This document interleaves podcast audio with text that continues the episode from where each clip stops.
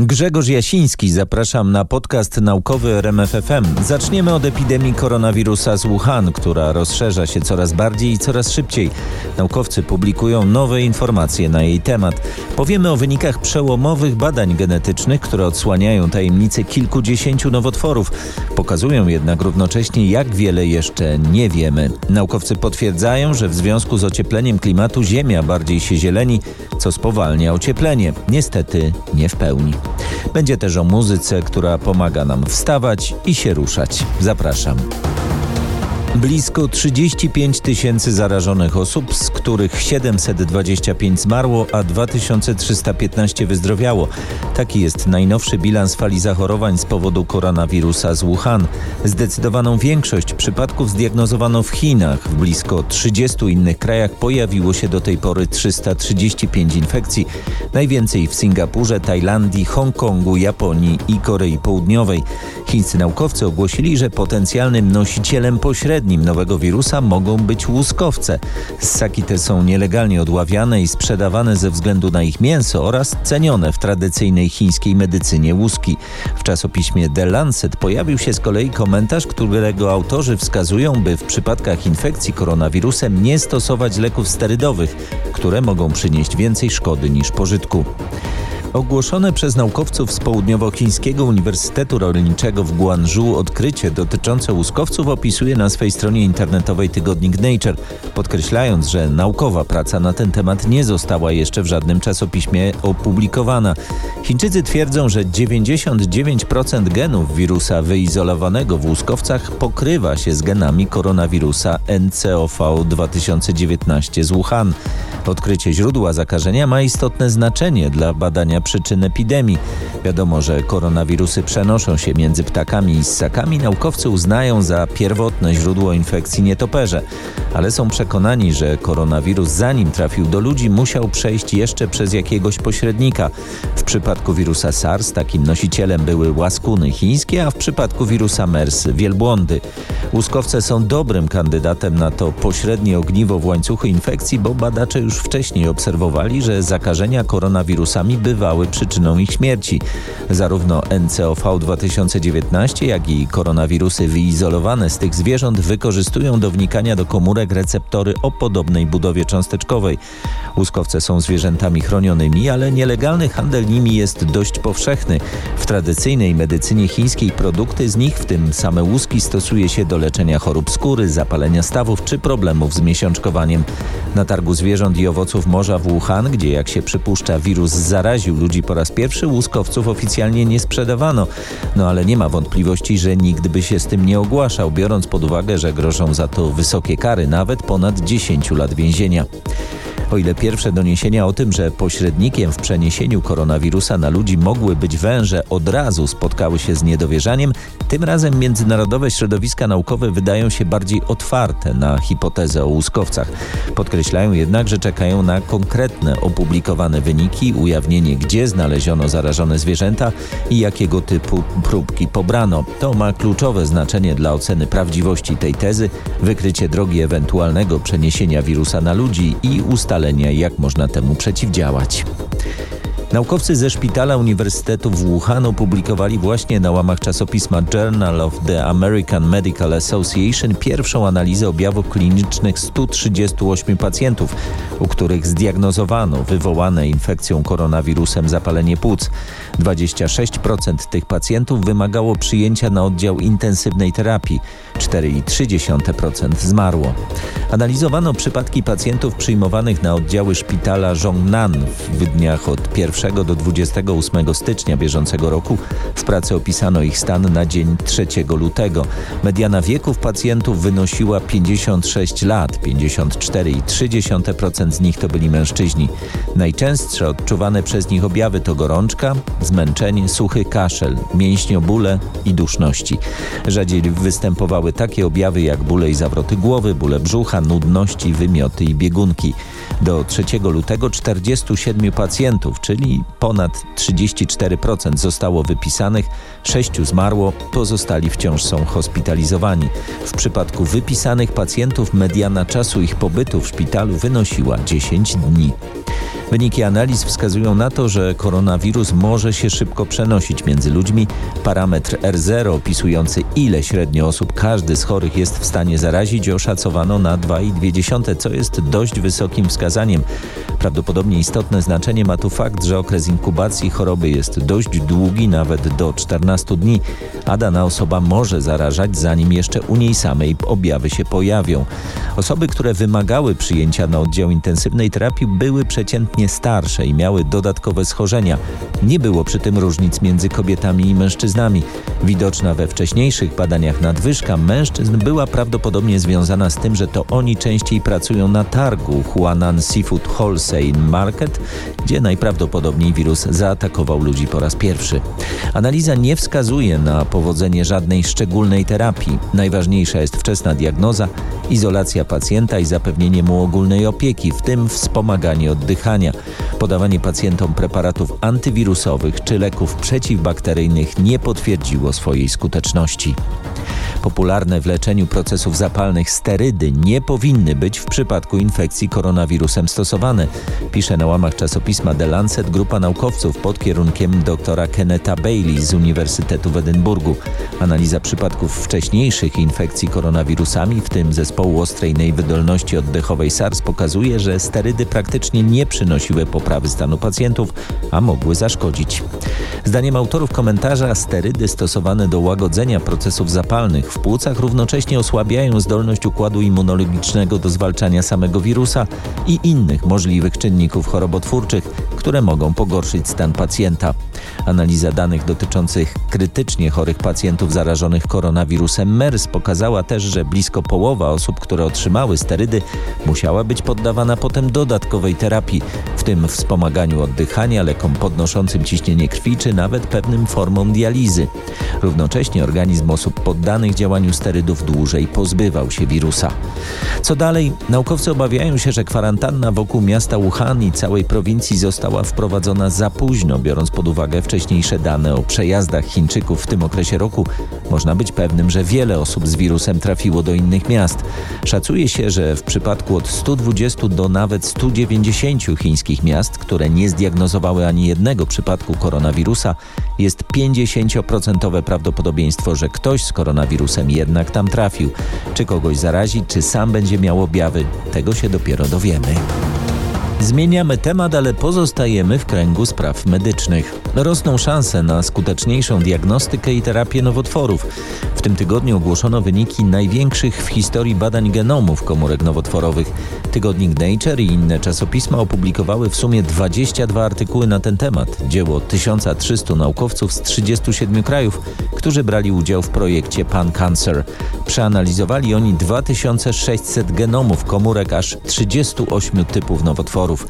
Wskazali na mutacje DNA, które prowadzą do pojawienia się choroby, pozwalają też ocenić, jaka była jej bezpośrednia przyczyna choćby wystawianie się na promieniowanie UV czy palenie papierosów. Dzięki tej pracy łatwiej będzie teraz analizować przyczyny nowotworów, diagnozować je i leczyć.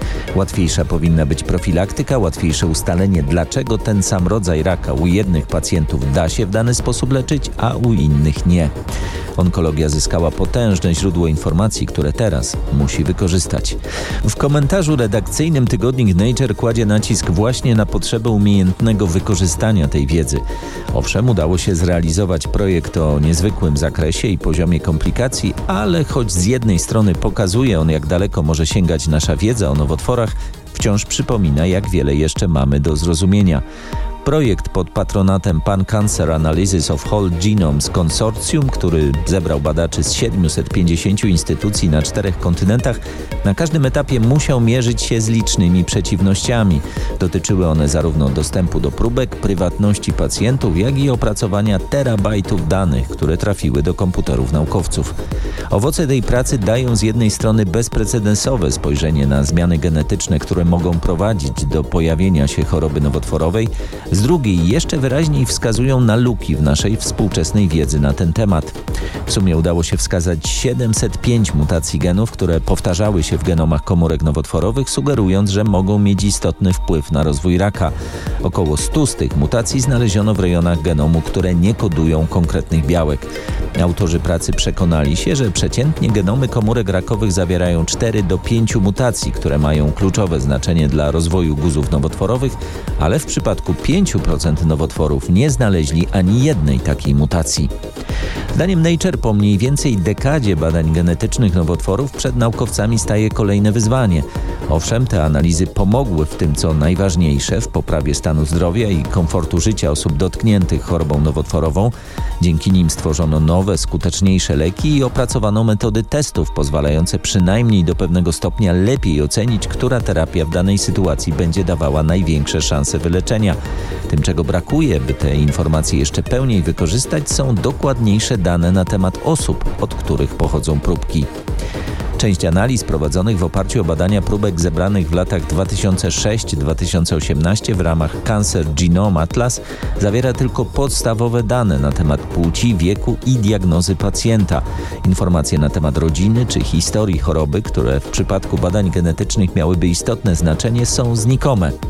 Nowsze programy próbują to zmienić, jednak zebranie większej liczby informacji jest często trudne i kosztowne, szczególnie w krajach, gdzie nie ma jednolitego systemu opieki zdrowotnej.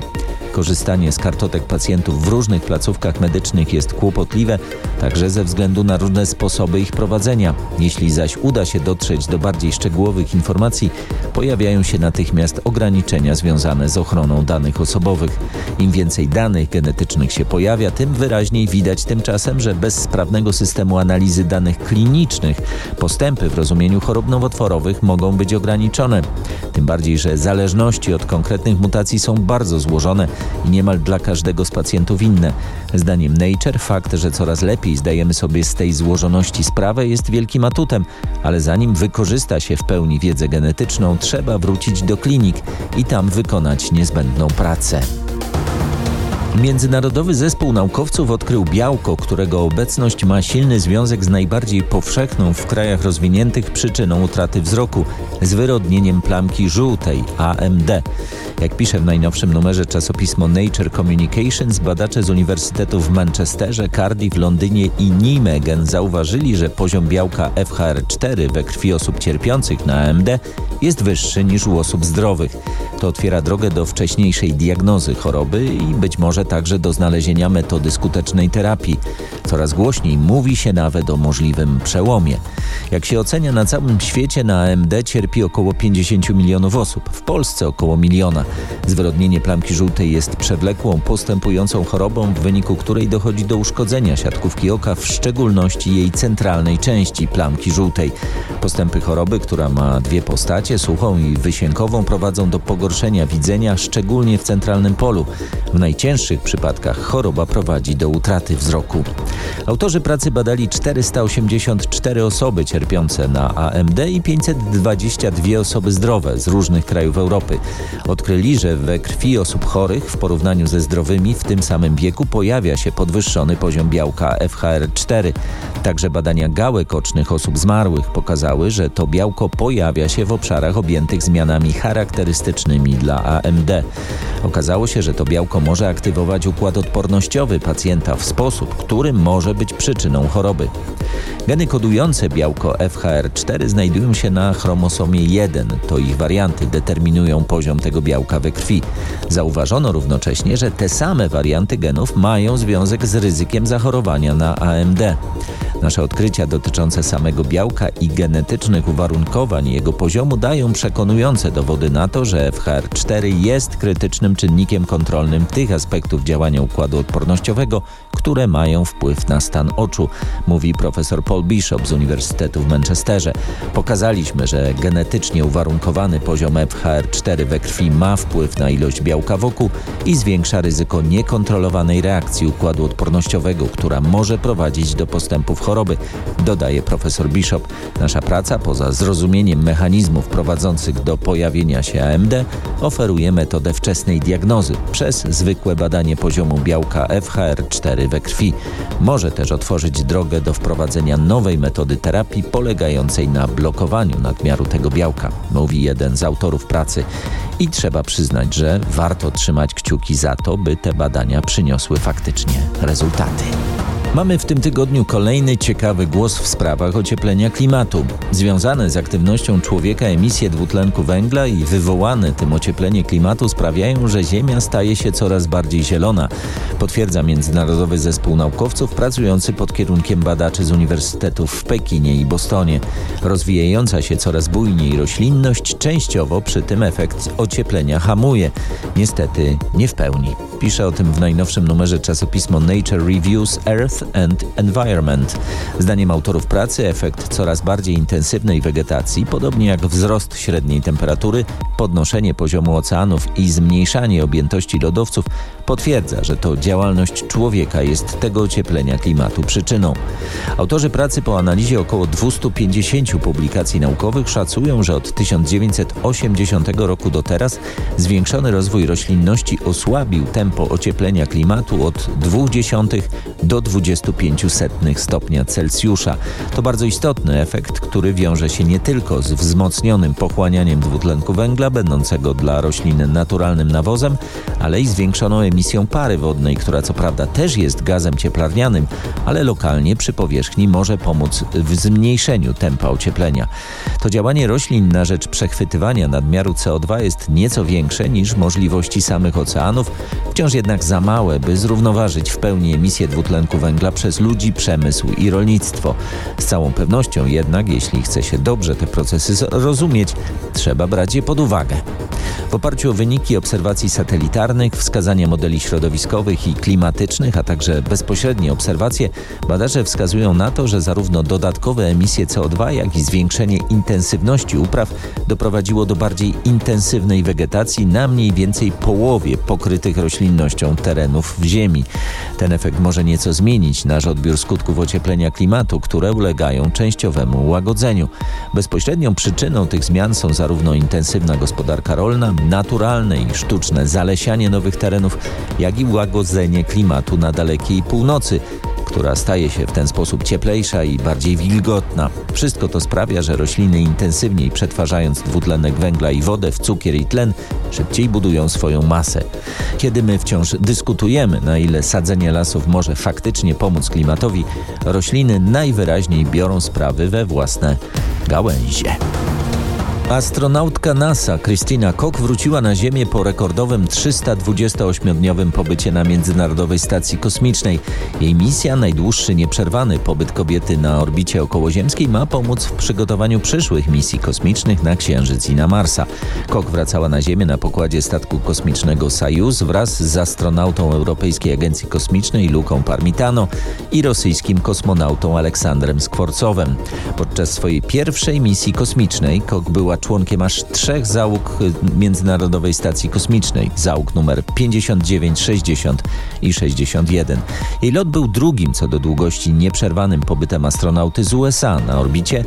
Dłuższa była tylko misja Scotta Kelly'ego, który w latach 2015-16 w ramach programu Astronaut Twin Study, czyli badań bliźniaków, spędził w kosmosie blisko rok, dokładnie 340 dni. Kok zajmuje też siódme miejsce na liście amerykańskich rekordzistów, jeśli chodzi o sumaryczny pobyt w kosmosie podczas wszystkich lotów. Tu liderem jest także kobieta Peggy Whitson, która w czasie trzech lotów spędziła na orbicie 665 dni, 22 godziny i 22 minuty. Absolutnymi rekordzistami w tej kategorii są jednak Rosjanie. Numer jeden Gennady Padałka przebywał w kosmosie w sumie ponad 878 dni. Podczas swojej misji Koko krążyła Ziemię 5248 razy, przebywając dystans ponad 220 milionów kilometrów, odpowiadający blisko 300 podróżom na Księżyc i z powrotem. W czasie sześciu spacerów kosmicznych spędziła w otwartej przestrzeni 42 godziny 15 minut. Wraz z inną astronautką NASA, Jessica May, odbyła pierwsze trzy spacery kosmiczne w czysto kobiecym składzie. Podczas rekordowej misji brała udział w 210 programach badawczych, których celem, jak już mówiłem, było m.in. zebranie danych przed powrotem ludzi na Księżyc w ramach programu Artemida i późniejszymi lotami na Marsa. Kok uczestniczyła w eksperymentach, które miały badać wpływ nieważkości, izolacji, promieniowania i stresu na organizm astronautów. Jeden z nich zmierzał do precyzyjnego ustalenia natury mechanizmów degradacji tkanki kostnej i mięśniowej obserwowanej u uczestników długotrwałych lotów kosmicznych. Jego celem jest przygotowanie skutecznych metod przeciwdziałania tym procesom, które będą miały kluczowe znaczenie dla zdrowia przyszłych uczestników lotów na Marsa. Wśród eksperymentów o szczególnym znaczeniu dla ludzi na Ziemi był m.in. program Microgravity Crystals, w ramach którego KOK prowadziła krystalizację białek błonowych, które mają zasadnicze znaczenie dla wzrostu i odporności komórek nowotworowych.